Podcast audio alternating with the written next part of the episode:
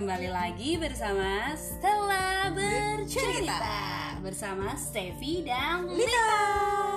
Oke, hari ini kita mau ngomongin apa nih, Lid? Hari ini mau ngomongin apa kah emangnya kita? Hari ini kita mau ngomongin tentang gimana sih caranya tetap waras di rumah selama pandemi. I see. Jadi uh, we want to talk how to stay sane in this pandemic era ya kak. ya? Ceritanya Iya. so Inggris gitu. Oke, nah gimana sih caranya teman-teman supaya kita bisa tetap waras dan sehat mental? Lebih ke arah sehat mental kali ya? Iya sih, bener banget sih. Sekarang tuh banyak orang-orang yang jadinya stres, apalagi tuh orang-orang ekstrovert kayak aku ini nggak bisa ketemu banyak orang, nggak bisa jalan-jalan, jadi stres. Nah, nggak cuma yang extrovert, introvert juga ngerasa stres. Mungkin dikira orang-orang introvert itu betah banget di rumah. Ya iya sih betah. Tapi kalau kelamaan di rumah nggak ketemu orang lain juga, ya lama-lama stres juga. Wah bener sih. Saat mungkin ini tuh kayak bisa dibilang kayak situasi yang lagi krisis ya, banyak orang krisis macem-macem, mental Hmm. juga krisis gitu ya.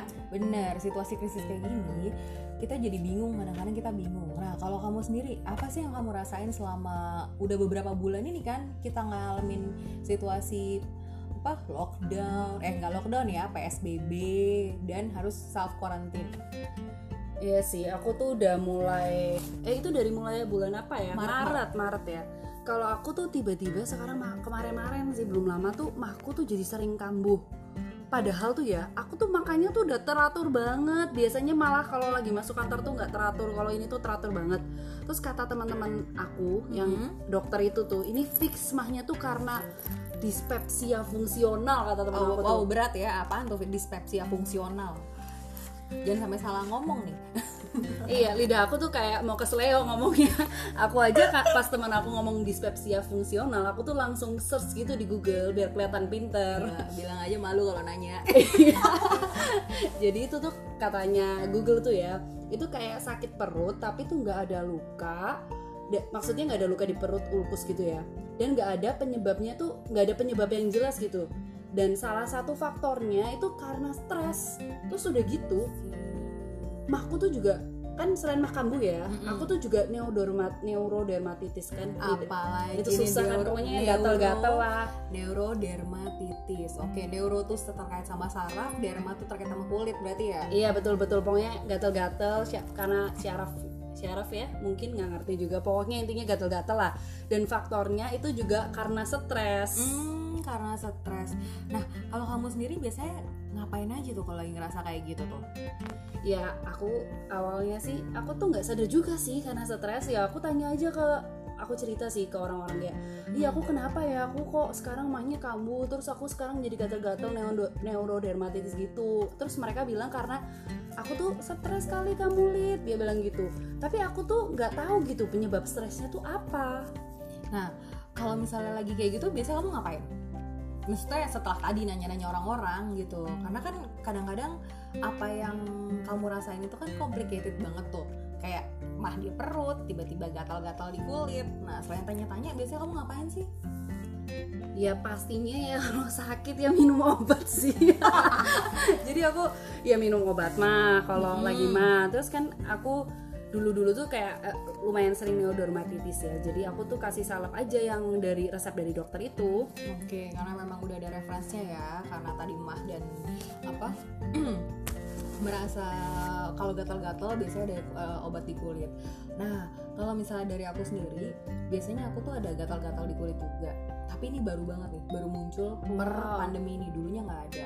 Nah, tapi aku akhirnya ngeliat lagi biasanya karena aku eh, belajar di psikologi, segala sesuatu yang muncul di fisik itu belum tentu munculnya semua benar-benar karena masalah fisik gitu. Bisa aja karena kita ada masalahnya tuh eh, menggambarkan reaksi yang ada di otak atau misalnya perasaan yang tidak bisa terkeluarkan contoh misalnya kayak perasaan cemas perasaan kesepian karena kita masa me- menghadapi masa PSBB ini. Iya ya, kalau pandemi gini kita di rumah ya walaupun aku tuh juga masuk kerja, tapi kan habis kerja tuh langsung pulang dan kerja tuh nggak semua satu full tim masuk, jadi kayak setengahnya gitu. Jadi bener-bener kerja, stay di meja, makan aja tuh dianterin ke meja dan nggak nggak komunikasi gitu ke yang lain. Jadi kayak rasanya kesepian sih biasa ngobrol, biasa pulang kerja jalan-jalan sama teman. Ini pulang kerja langsung pulang ke kosan ya paling nonton Netflix terus kayak telepon orang tua tapi habis itu kayak ya nggak ada kegiatan apa-apa lagi gitu Mungkin karena kita biasa sibuk kali ya, biasa sibuk. Terus sekarang kita mau nggak mau harus stay di rumah doang. Nah, kalau misalnya udah stay di rumah doang kayak gini, akhirnya kita jadi kalau nggak mikir yang enggak enggak, yang enggak enggak, muncul perasaan kayak sepi, udah gitu. Jadi ngerasa, ih kok gue gini-gini doang ya. Akhirnya sibuk mikirin yang eh, biasanya nggak kita pikirin. iya apalagi tuh ya aku kan di kosan terus kayak nggak tadinya tuh di kosan terus nggak bisa main sama teman-teman di terus sudah gitu kerja cuma kayak kerja terus pulang cuma kerja kerja kerja. Biasa kan kalau istirahat tuh gibah-gibah gitu ya jadi tuh hiburan. Ya jadi bingung juga sih kadang-kadang. Terus lihat Instagram teman-teman tuh orang-orang tuh pada pada masak lah pada belajar belajar hal-hal baru. Kadang-kadang aku merasa ya ampun aku kok nggak ngapa-ngapain ya mereka kok melakukan banyak hal gitu ya aku cuma kerja nonton Netflix nonton nonton makan tidur aduh gitu doang kegiatan aku Nah, padahal kita ya kalau misalnya di masa pandemi ini kita kan banyak kegiatan yang bisa dilakukan di rumah. Eh, ada beberapa hal yang mungkin dulu nggak sempat kita lakuin tapi jadi bisa kita lakuin karena kita banyak waktu di rumah. Nah, sebenarnya melakukan yang tadi kamu lakukan itu juga nggak apa-apa. Waktu kamu bilang "Eh, aku pulang nonton, terus apa santai aja di rumah gitu. Nah itu it's okay kok kayak gitu karena eh, kadang butuh tubuh tuh juga butuh jeda tubuh tuh butuh Hmm. waktu untuk eh, ya istirahat nah nggak semua orang punya privilege untuk bisa belajar hal baru. Misalnya kayak kamu tinggal di kosan belum tentu kan bisa masak. Tadi kan teman-teman kamu ada yang masak tuh. Iya jadi kayak yang lain pada masak pada coba-cobain resep-resep. Aku tuh nggak bisa nggak ada yang cobain. Mungkin ada bisa resep yang pakai mic apa magic jar ya. Magic jar. tapi kayak eh, nggak pengen aja gitu nggak usah dipaksain lid. Nggak usah. Nggak semua hal yang orang lain lakuin itu eh, harus berlaku sama kita juga. Iya sih bener banget bener-bener jangan compare kayak diri kita ke orang lain ya. Bener. Nah, eh, kalau dari aku sendiri, biasanya eh, yang aku lakukan untuk membantu mengatasi kecemasanku itu aku biasanya meditasi, wah. Meditasi rutin, meditasi rutin tiap pagi sebelum memulai hari. Eh, tapi meditasinya juga topik-topiknya dikaitkan sama kondisi sekarang. Nah, pernah meditasi Lid?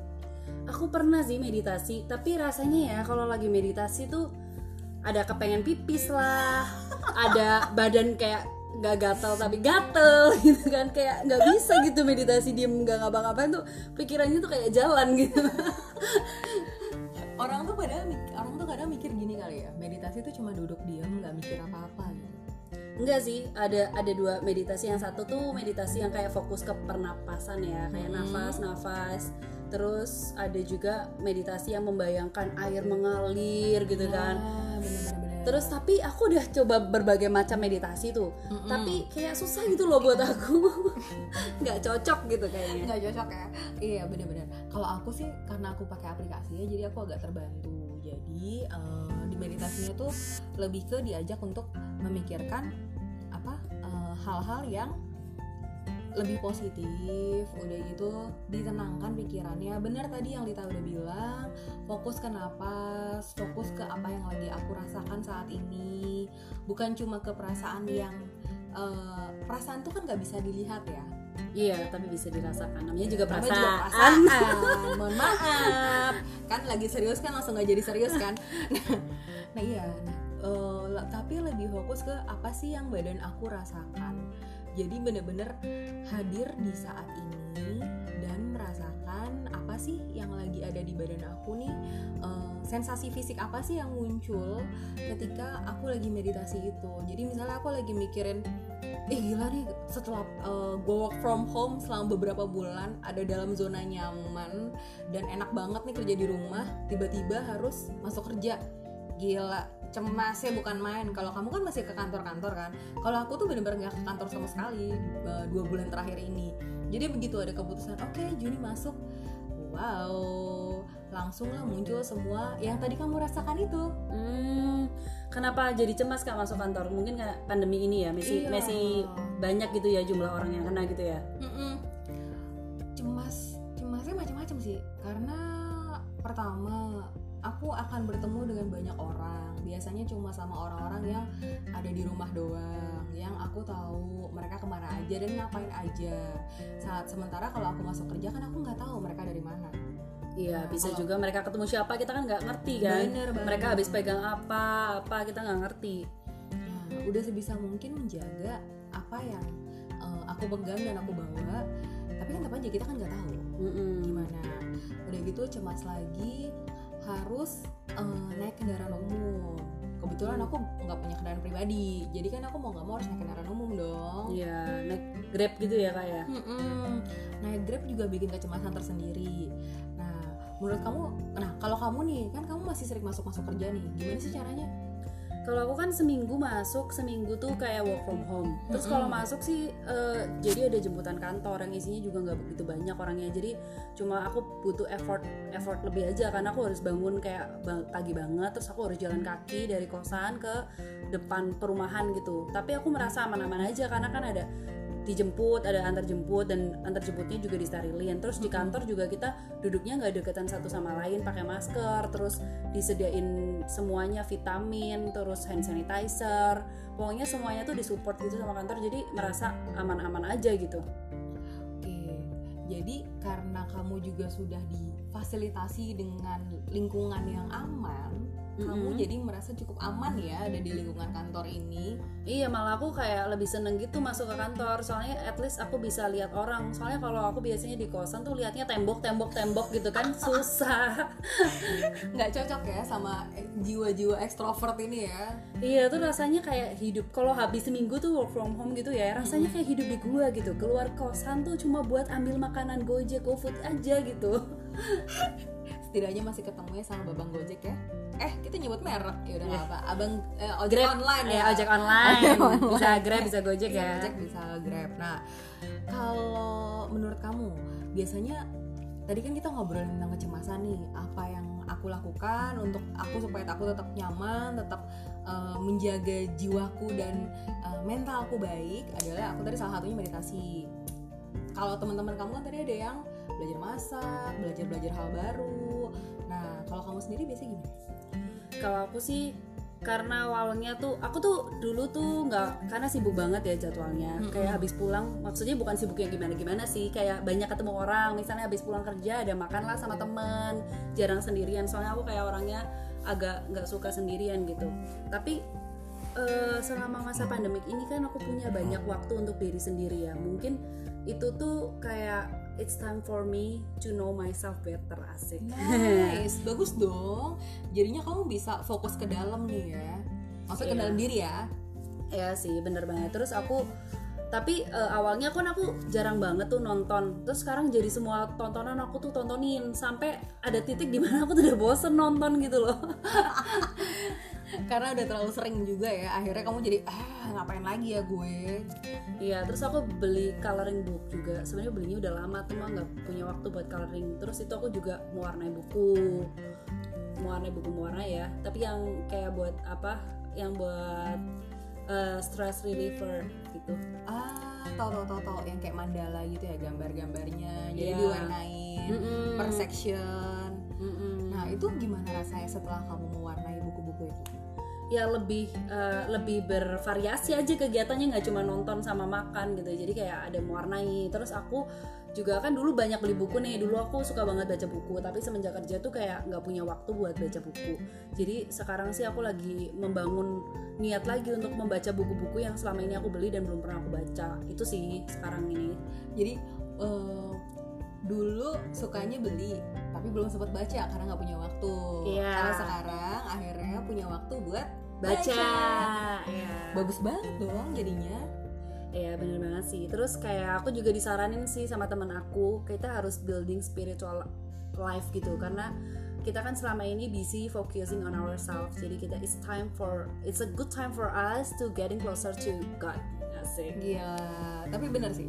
eh, dengan adanya pandemi ini semakin banyak waktu kita untuk lebih banyak merefleksikan ke dalam, melihat lagi diri kita sendiri dan se- apa pengalaman spiritual tuh jadi penting banget sih. Dengan kondisi kita nggak bisa beribadah di tempat, di tempat ibadat, akhirnya kita jadi ber, apa benar-benar merasakan bersyukur bahwa kita punya kesempatan untuk berdoa di tempat ibadat kita itu kan. Iya sih. Terus selain itu, uh, walaupun kan kita biasanya bisa ketemu orang, tapi kita tuh jar uh, kita ketemu cuma ngobrol pas ketemu kita jarang telepon, jarang chattingan. Tapi semenjak pandemi ini mungkin karena teman-teman juga semuanya pada di rumah aja, kita jadi punya banyak waktu untuk nanyain kabar teman-teman yang jauh, yang bahkan di luar kota atau di luar negeri. Yang selama ini kita tuh jarang banget kontekan. Itu sih uh, poin plus yang aku rasain ya. jadi kita malah bisa berkoneksi lebih baik ya dengan orang-orang yang tadi juga pernah kita ajak ngobrol Iya, yang nggak pernah diajak ngobrol, kita jadi bisa ngobrol, bisa tanya kabar, bisa chattingan, bisa teleponan, video call sih. Sekarang lagi zaman banget kan video Iya, call conference yang banyak orang itu kan. biar bisa ngobrol ramean nggak sepi sendiri gitu kan. Jadi eh, semua sendirian di tempat masing-masing tapi kita tetap merasa hangat. Iya, terus kita juga biasanya sih kalau kegiatan video call sama teman-teman tuh kita ada main game juga, ada main kuis juga. Jadi seru kayak banget Iya, jadi kayak menambah pengetahuan gitu kuis-kuis yang kayak Contoh, contoh, general knowledge gitu lah. contoh-contoh Aduh, apa? contohnya ya ada hitungan matematika, terus ada juga kayak pengetahuan umum, misalnya eh, bahasa apa yang paling banyak dipakai di dunia. apa-apa Kita kan jawabannya apa? mikirnya Inggris kan, Eh, ternyata- tapi ternyata bahasa Mandarin gitu loh. apa? oh Jadi kita semua tuh salah jawabannya. gila trivia trivia kuis gitu dong Iya sih, itu aku lupa nama namanya tuh eh, pokoknya ada ap- apa webnya gitu, terus kita bisa ngerjain kuis-kuis gitu. gila seru banget. Namanya kahut kahut. Oh tahu tahu tahu. Kahut kahut itu biasanya aku pakai kalau buat training training di kantor sih kita main kahut. Tapi belum belum terpikir sih buat kahut bareng geng di saat video call barengan. Nah ini nih sebuah hal yang sangat menarik ya buat dikerjain. Jadi video call tuh nggak cuma eh, saling update kabar kehidupan tapi kita juga bisa sambil eh, melakukan sesuatu yang fun bisa juga kita karaoke Iya bisa juga karaoke. Iya aku sama teman-teman aku juga gitu. Jadi kayak biarkan kita bosen nih ngapain. Jadi kayak setel lagu aja. Terus kita kayak nyanyi-nyanyi gitu. Walaupun kan kadang-kadang suaranya delay. Tapi ya udah kita nikmatin aja gitu. nggak apa nggak apa sekarang lagi tren soal nyanyi bareng tapi kan kalau nyanyi bareng yang di video choir choir itu kan biasanya kan sendiri sendiri tagnya ya Iya. nah, jadi nggak berasa karaoke gitu kan Mm-mm, bener banget. Pokoknya tuh kegiatannya kalau telepon bareng-bareng bisa juga di karaokean walaupun suara delay-delay. Terus kita main kahut, ya menambah pengetahuan-pengetahuan terkini lah, ya. bukan terkini juga sih pengetahuan umum yang tadinya kita nggak tahu kayak bahasa paling banyak dipakai di dunia orang pikir itu pasti bahasa Inggris tapi ternyata bahasa Mandarin. Terus habis itu kita logis sih soalnya orang Cina banyak banget kan Iya, sekarang semua bisnis tuh banyak kan dari Cina ya. Orang impor yang itu dari Cina. Terus kayak pabrik-pabrik yang itu pabrik luar negeri Amerika aja sekarang buka di Cina juga kan. benar benar benar Jadi kayak bahasa Mandarin tuh uh, pen- kayak penting gitu ya sekarang. bisa nih kita kayaknya habis ini harus belajar bahasa Mandarin aku sih mungkin ya kalau kamu kan udah Enggak sih. Eh, dulu kan belajar ya sekolah bahasa Mandarin, terus kan udah nggak pernah pakai lagi dan udah lupa. Terus karena masa pandemik ini tuh aku eh, juga download Duolingo gitu, aplikasi yang buat belajar bahasa. Terus aku ya belajar bahasa Mandarin in a fun way mungkin ya. Iya, kalau teman-teman belum pernah tahu Duolingo, Duolingo itu adalah salah satu aplikasi yang bisa kita pakai untuk belajar bahasa asing. Ada banyak banget bahasa di situ. Kalau aku sih belajarnya bahasa Jerman, kalau Lita belajarnya bahasa Mandarin. Ini nggak disponsori Duolingo ya guys, tapi Ini karena kita emang seneng aja. Iya. Terus lumayan itu kayak main game aja, jadi kayak nyocok-nyocokin artinya. Jadi kayak ya fun aja gitu, nggak merasa tertekan belajarnya. Iya, metode belajarnya gamification. Jadi orang yang belajar di situ juga merasa fun dan eh, merasa ada rewardnya karena kayak ada achievement achievementnya gitu. Kalau misalnya kita lulus satu section gitu dan eh, metode belajarnya juga sangat menyenangkan. Oke berarti kan tadi ada belajar ada meditasi ada teleponan video call udah gitu kita semakin mendekatkan diri sama Tuhan ya Mm-mm.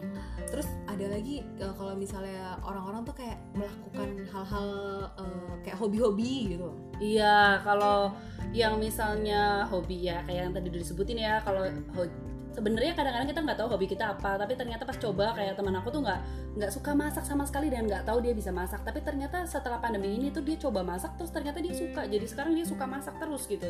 asik dong Sebagai teman sih seneng gitu eh, nyobain kadang-kadang dikirimin. Wow.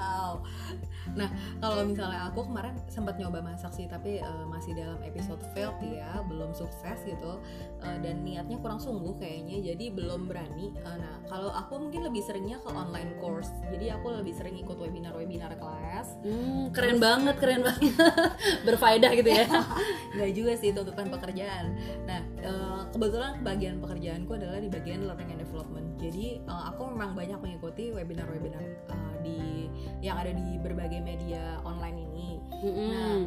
Uh, dari situ aku juga belajar uh, pertama gimana sih caranya menghadapi krisis sekarang ini, gimana cara menghadapi new normal, gimana cara menjaga kita supaya tetap produktif di rumah meskipun di Mm-mm. rumah.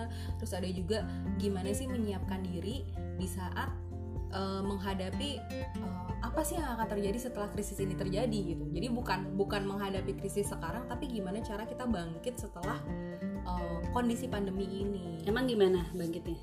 Jadi kita harus sadar bahwa eh, dunia yang nanti setelah pandemi ini terjadi nggak akan pernah sama dengan yang sebelumnya itu udah pasti dong. Iya makanya disebut new apa tuh? New normal. Ini new normal ya betul Oke. betul. Nah, yang udah pasti penting, yang yang udah pasti terasa banget adalah awareness kita terhadap kesehatan dan kebersihan. Mm-mm. Kita jadi makin sering kan perhatiin eh, apa? ini Cuci udah tangan. cuci tangan. cuci tangan ya. Sekarang semua orang udah jago cara cuci tangan. Iya. Kalau dulu kita cuma bla bla bla apa blas blas blas udah gitu kan. Iya, sekarang lebih lama cuci tangan tuh berapa detik? 30 20 detik, ya. Uh, dan lebih concern dengan movementnya jadi bukan cuma yang penting basah dan kena sabun tapi area-area yang harus dicuci juga jadi lebih diperhatiin udah gitu higienitas terhadap benda-benda Iya. Kalau di kantor aku tuh eh, di desinfektan gitu barang-barangnya. Jadi kita juga merasa aman gitu loh. oh Terus kita juga setiap kita juga dikasih sanitizer, Mm-mm. tisu basah setiap bulannya, terus dikasih desinfektan juga. Jadi kalau misalnya kita terima paket, kita tuh bisa semprot sama desinfektan itu. Jadi kayak kita merasa lebih safe mungkin ya, lebih aman ya. bener nah dan kayak gitu-gitu kan dulu nggak ada tuh dan kesadaran orang-orang untuk pakai masker. Karena kita tahu polusi udara di luar tuh sebenarnya tinggi banget. Ya kalau mau ngomong ya Jakarta kan kita udah tahu tuh angka polusinya tinggi banget beberapa waktu yang lalu. Tapi kan kita tetap aja bernapas dengan nyaman tanpa masker. Sampai akhirnya datanglah virus ini dan membuat kita merasa punya urgensi yang sangat kuat untuk selalu pakai masker. Meskipun sekarang jadi bertambah urgensinya karena virus tapi sebenarnya dari dulu harusnya kita udah pakai masker kan? Iya sih, tapi satu hal bagus lagi ya yang dari PSBB ini biasanya tuh Jakarta jarang banget langitnya warna biru. Beda ya kayak di desa-desa biasanya biru tuh biasa gitu kan. Tapi karena PSBB ini eh, langitnya tuh kita bisa lihat langit biru karena orang-orang banyak kerja di rumah jadi kan eh, kendaraan tuh juga jarang ya. Kalau nggak penting-penting banget orang nggak keluar. Jadi tuh juga polusinya berkurang jadi kita bisa lihat langit biru bisa lihat sunset. Biasanya kan semuanya kalau tutup sama polusi ya nggak? Bener-bener nah selain langit biru beberapa waktu yang lalu aku juga ngeliat pelangi gila. Kayak udah bertahun-tahun hidup di Jakarta ini nggak pernah ngeliat pelangi ya. Akhirnya bisa ngeliat juga Gila. pelangi. Aku tuh terakhir lihat pelangi tuh waktu aku SMA di Malang, kayak lihat pelangi itu yang bener-bener 180 Iya, derajat bener, ya. 180 Itu tuh bener-bener kayak pas dulu kalau di Malang tuh habis hujan kita sering lihat pelangi, kayak pelangi tuh ya lumayan beberapa kali bisa lihat gitu. Tapi semenjak di Jakarta aku nggak pernah lihat pelangi. aku baru lihat lagi kemarin pas uh, lebaran kedua lagi berkunjung ke tempat temanku terus habis hujan kan terus tiba-tiba kayak gila ada pelangi gila Wah. udah setelah sekian tahun nggak pernah ngeliat pelangi ini benar-benar pelangi ngelengkung dan warnanya bagus banget kayak tanda dari Tuhan gak Kayak sih pelangi sehabis hujan gitu ya, Iya. kayak lagu. iya bener-bener kayak kayak bener-bener memberikan apa ya gila-gila akhirnya ada juga nih hal-hal positif yang bisa kita lihat ya Mm-mm. Terus selain itu aku juga kan karena banyak waktu ya. Mm-mm. Se- selama ini kan barang di kosan aku banyak banget karena dari kuliah juga udah di Jakarta. Ini aku bener-bener sortir barang-barang aku untuk kayak yang udah nggak nggak dipakai ternyata banyak banget ya bisa sampai 4 4 5 dus besar gitu loh. Terus Gila, aku ya maksudnya kita bisa melakukan hal positif ya bisa ah, barang-barang yang kita udah nggak pakai kita bisa kayak kasihin ke orang lain yang lebih membutuhkan. Bener jadi inget Marie Kondo ya. Apa itu Marikondo? Itu yang bikin ya apa ber, mem- berbenah dengan rapi dan oh menyenangkan. tahu tahu tahu tahu tahu Tahu tahu, kan? iya, tahu. Terus sekarang juga jadi rajin banget bersih bersih kamar yang biasanya tuh cuma weekend nyapu ngepel sekarang juga hampir tiap hari nyapu ngepel sama ngosek toilet ya. Itu se- sebenarnya karena nganggur aja. Terus biasanya tuh eh, laundry. Sekarang tuh baju kadang-kadang kalau yang tipis-tipis ya dicuci sendiri disetrika sendiri. Jadi tambah kegiatan nyuci nyetrika nyapu ngepel setiap hampir tiap hari. Jadi kayak biar ada kegiatan aja gitu tapi biar ada kegiatannya malah positif banget loh. Kamu jadi banyak memperhatikan kegiatan kamu di kamar kamu bisa produktif untuk merapikan barang-barang membersihkan juga. Akhirnya kamu menjadi membuat lingkungan kamar kamu tuh tempat yang sangat nyaman buat ditidurin ya nggak? Iya bener banget sih. Eh, berarti kalau misalnya kita lihat-lihat nih udah banyak banget nih yang kita lakukan supaya kita tetap stay sane atau waras di rumah aja ya nggak sih Lin? Mm-mm. Walaupun kadang-kadang kita udah melakukan itu semua, kita tuh mesti kadang-kadang tuh tetap merasa, aduh, eh, merasa kesepian ya. Kita udah melakukan banyak hal, soalnya kan bulannya tuh udah banyak banget, udah kayak tiga bulan. Kita ngelakuin itu terus, yang tadinya pertamanya seru, lama-lama juga jadi jenuh ya jenuh gitu. Eh, bener sih nah ada temanku yang psikolog bilang jadi aku aku bercerita lah bahwa eh, gila gue udah meditasi udah nulis jurnal udah membuat gratitude journal tiap hari. Tapi nggak mem- tidak memungkiri kenyataan bahwa gue masih merasa kesepian gue masih merasa bosen gue jenuh juga nih lama-lama di rumah nggak ketemu sama teman-teman. Karena kalau aku tuh nggak jauh beda sih sama Lita Eh, sebenarnya aku tipikal orang yang banyak kegiatan gitu maksudnya biasanya pulang kerja pasti ada pergi main dulu latihan inilah Pergi ke ke mana. mall ya, makan di mall Iya, kan. pergi ke mall makan di mall sebagai orang yang sangat senang ke mall ini udah beberapa bulan nggak ke mall rasanya ya gitu deh ya Walaupun ke mall tuh bukan nggak melulu belanja, kita kadang-kadang cuma makan, tapi tuh kayaknya rasanya seneng aja gitu ngeliatin banyak orang. bener banget rasanya nah kalau dulu rasanya senang aja ngeliatin banyak orang kalau sekarang rasanya cemas banget ngeliatin banyak orang Iya, bener banget sih. Soalnya kan sekarang kita nggak tahu siapa yang bawa virus gitu kan. bener banget. Seandainya virus itu bisa kelihatan dalam bentuk fisik mungkin tuh lebih menenangkan gak Iya. kayak oh ya ini ada di sini ada virusnya kita bisa jauh-jauh. Oh ini di sini ada virusnya dia bawa virus jadi kita nggak usah deket gitu. Kita jadi lebih ter Iya. apa lebih memahami gitu dan lebih kayak oh ya udah aman aman aman gitu. Lebih bisa menjaga diri lah intinya. Oke nah itu memang tidak tidak menghilangkan rasa sepi tadi ya. Hmm, rasa terus bosan. jadi jadi kita gimana nih kalau kita udah melakukan banyak hal yang disarankan orang-orang, disarankan buku-buku gitu kita harus ngapain sama youtuber-youtuber kan saranin gitu terus kita harus ngapain lagi kak?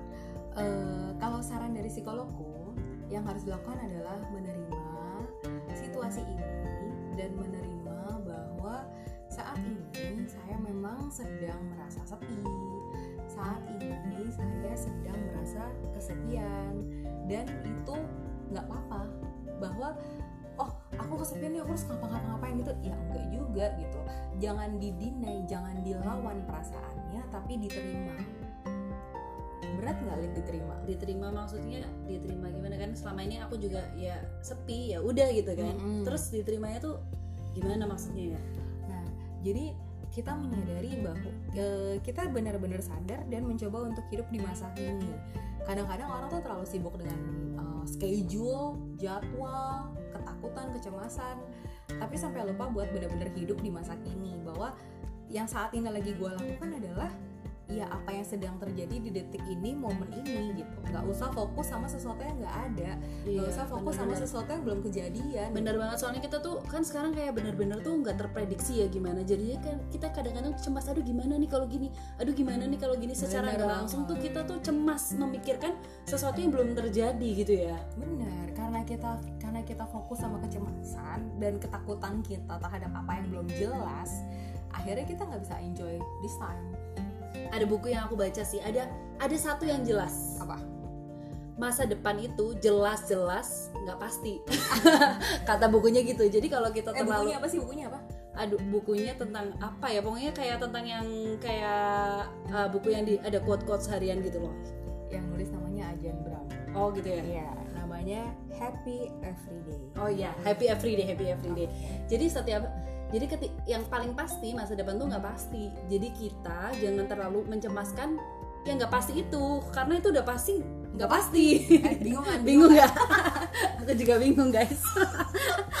Enggak, enggak ini bukan bukan bingung ya, tapi lebih ke kita mulai kayak filsafat ya kayak gini ya. Iya. Enggak, kita agak mendarat. Jadi sebenarnya gini, eh, yang perlu kita lakukan paling basic banget adalah benar-benar menjalani hidup di masa kini. Benar-benar menjalani hidup di masa kini. Gue ulang lagi ya. Kenapa? Soalnya dengan kita fokus ke sesuatu yang belum pasti, belum jelas, itu akan membuang waktu kita di masa sekarang. Kita jadi nggak bisa menikmati apa yang lagi kita jalanin, dan kita jadi lupa tuh buat bersyukur.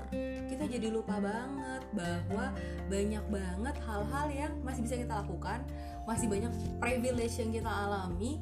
Eh, gue sangat bersyukur loh, gue masih bisa punya pekerjaan. bener kita masih bisa maksudnya yang paling harus disyukuri adalah kita tuh sehat sekarang Yes. karena kayak kita sadar sehat itu tuh berharga banget sehat itu tuh mahal bener banget jadinya kita jadi kayak kayak, kayak menghargai banget sesuatu yang dulu kita take it for granted Mm-mm. contoh contoh banget ketemu teman bisa cipika cipiki sekarang ketemu teman aja kagak bisa. Iya biasanya kalau ketemu orang salaman bisa kayak peluk juga. Sekarang kayak nggak bisa kayak gitu kan iya boro-boro salaman ketemu aja enggak Nah, terus lagi yang aku bilang kesehatan tuh mahal ya. Walaupun kesehatan mahal, misalnya kita juga punya uang nih untuk ke rumah sakit. Sekarang tuh rumah sakit penuh loh. Kemarin temen aku tuh ada yang sakit dan dia tuh susah cari rumah sakit yang padahal itu rumah sakit swasta yang which is kita tuh bayarnya mahal, tapi susah cari yang ada ada kamar karena banyak orang yang sakit karena nggak cuma nggak cuma covid aja kan sekarang lagi zamannya DB DB sama mali- malaria gitu kan. Mm, bener orang orang tuh eh, banyak penuh di rumah sakit gitu dan eh, sekarang orang sakit apa pun dicurigainya COVID.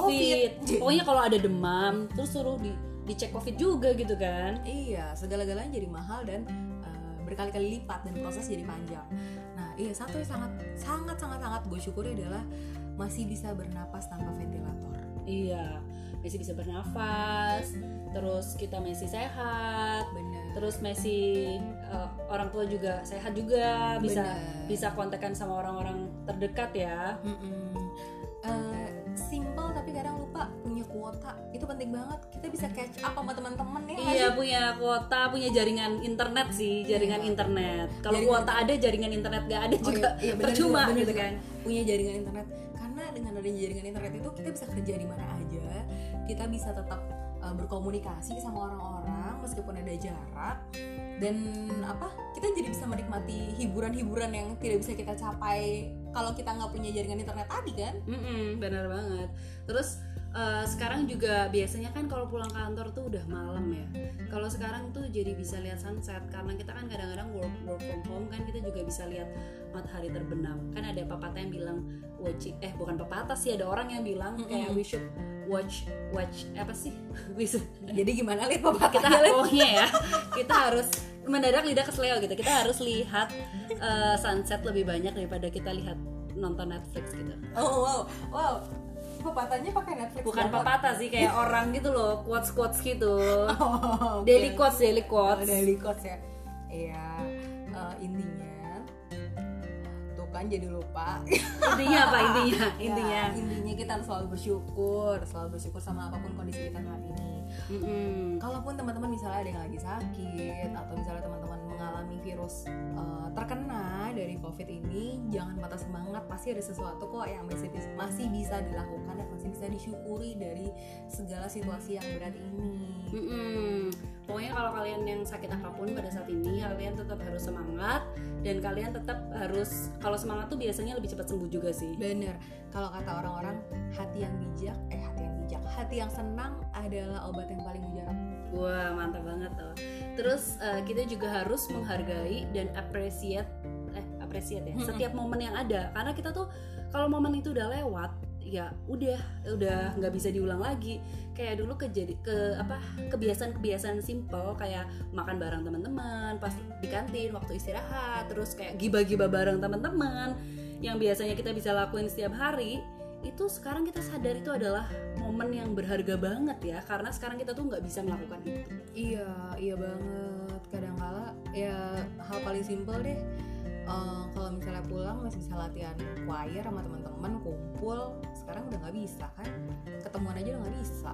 Dan dan di saat uh, saya menjadikan eh saat aku menjadikan choir ini adalah self careku tempat pelarian di kala stres dari pekerjaan ya sekarang aku harus berdamai dengan itu dan menerima bahwa uh, aku harus mencari cara lain untuk tetap bisa waras untuk tetap bisa sehat tanpa harus latihan choir ini. Tetap reach out sama teman uh, teman-teman yang di choir itu meskipun kita nggak harus nggak latihan bareng tetap ngobrol kayak gitu-gitu jadinya. Oke pokoknya intinya kita harus tetap bersyukur dalam kondisi apa pun ya. Karena kalau kita menghadapi masalah pun percayalah masalah itu pasti akan berlalu. Masalah itu pasti akan ada jalan keluarnya. Jadi kita jangan terlalu stres ya memikirkan masalah itu. Kita harus menemukan sesuatu hal yang selalu bisa kita syukuri. Even itu hal kecil. Karena pasti akan ada kok hal yang bisa disyukuri sekecil apa pun itu seberat apa pun itu kalau baca quotes itu dibilang eh, kadang kita nggak ngerti ya rencana Tuhan apa tapi pasti ada hal baik kok di balik itu semua Iya, uh, karena aku juga selalu percaya misalnya itu ada terjadi hal buruk ke kita, mungkin suatu saat kita bakalan tahu ren apa rencana Tuhan di balik hal buruk itu pasti ada hal baik yang Tuhan tuh rencanain buat kita. Jadi kita tetap harus bersyukur apa pun kondisi kita. Bener. Nah, sedikit wrap up, berarti apa sih yang bisa kita lakukan untuk menjaga kesehatan mental kita?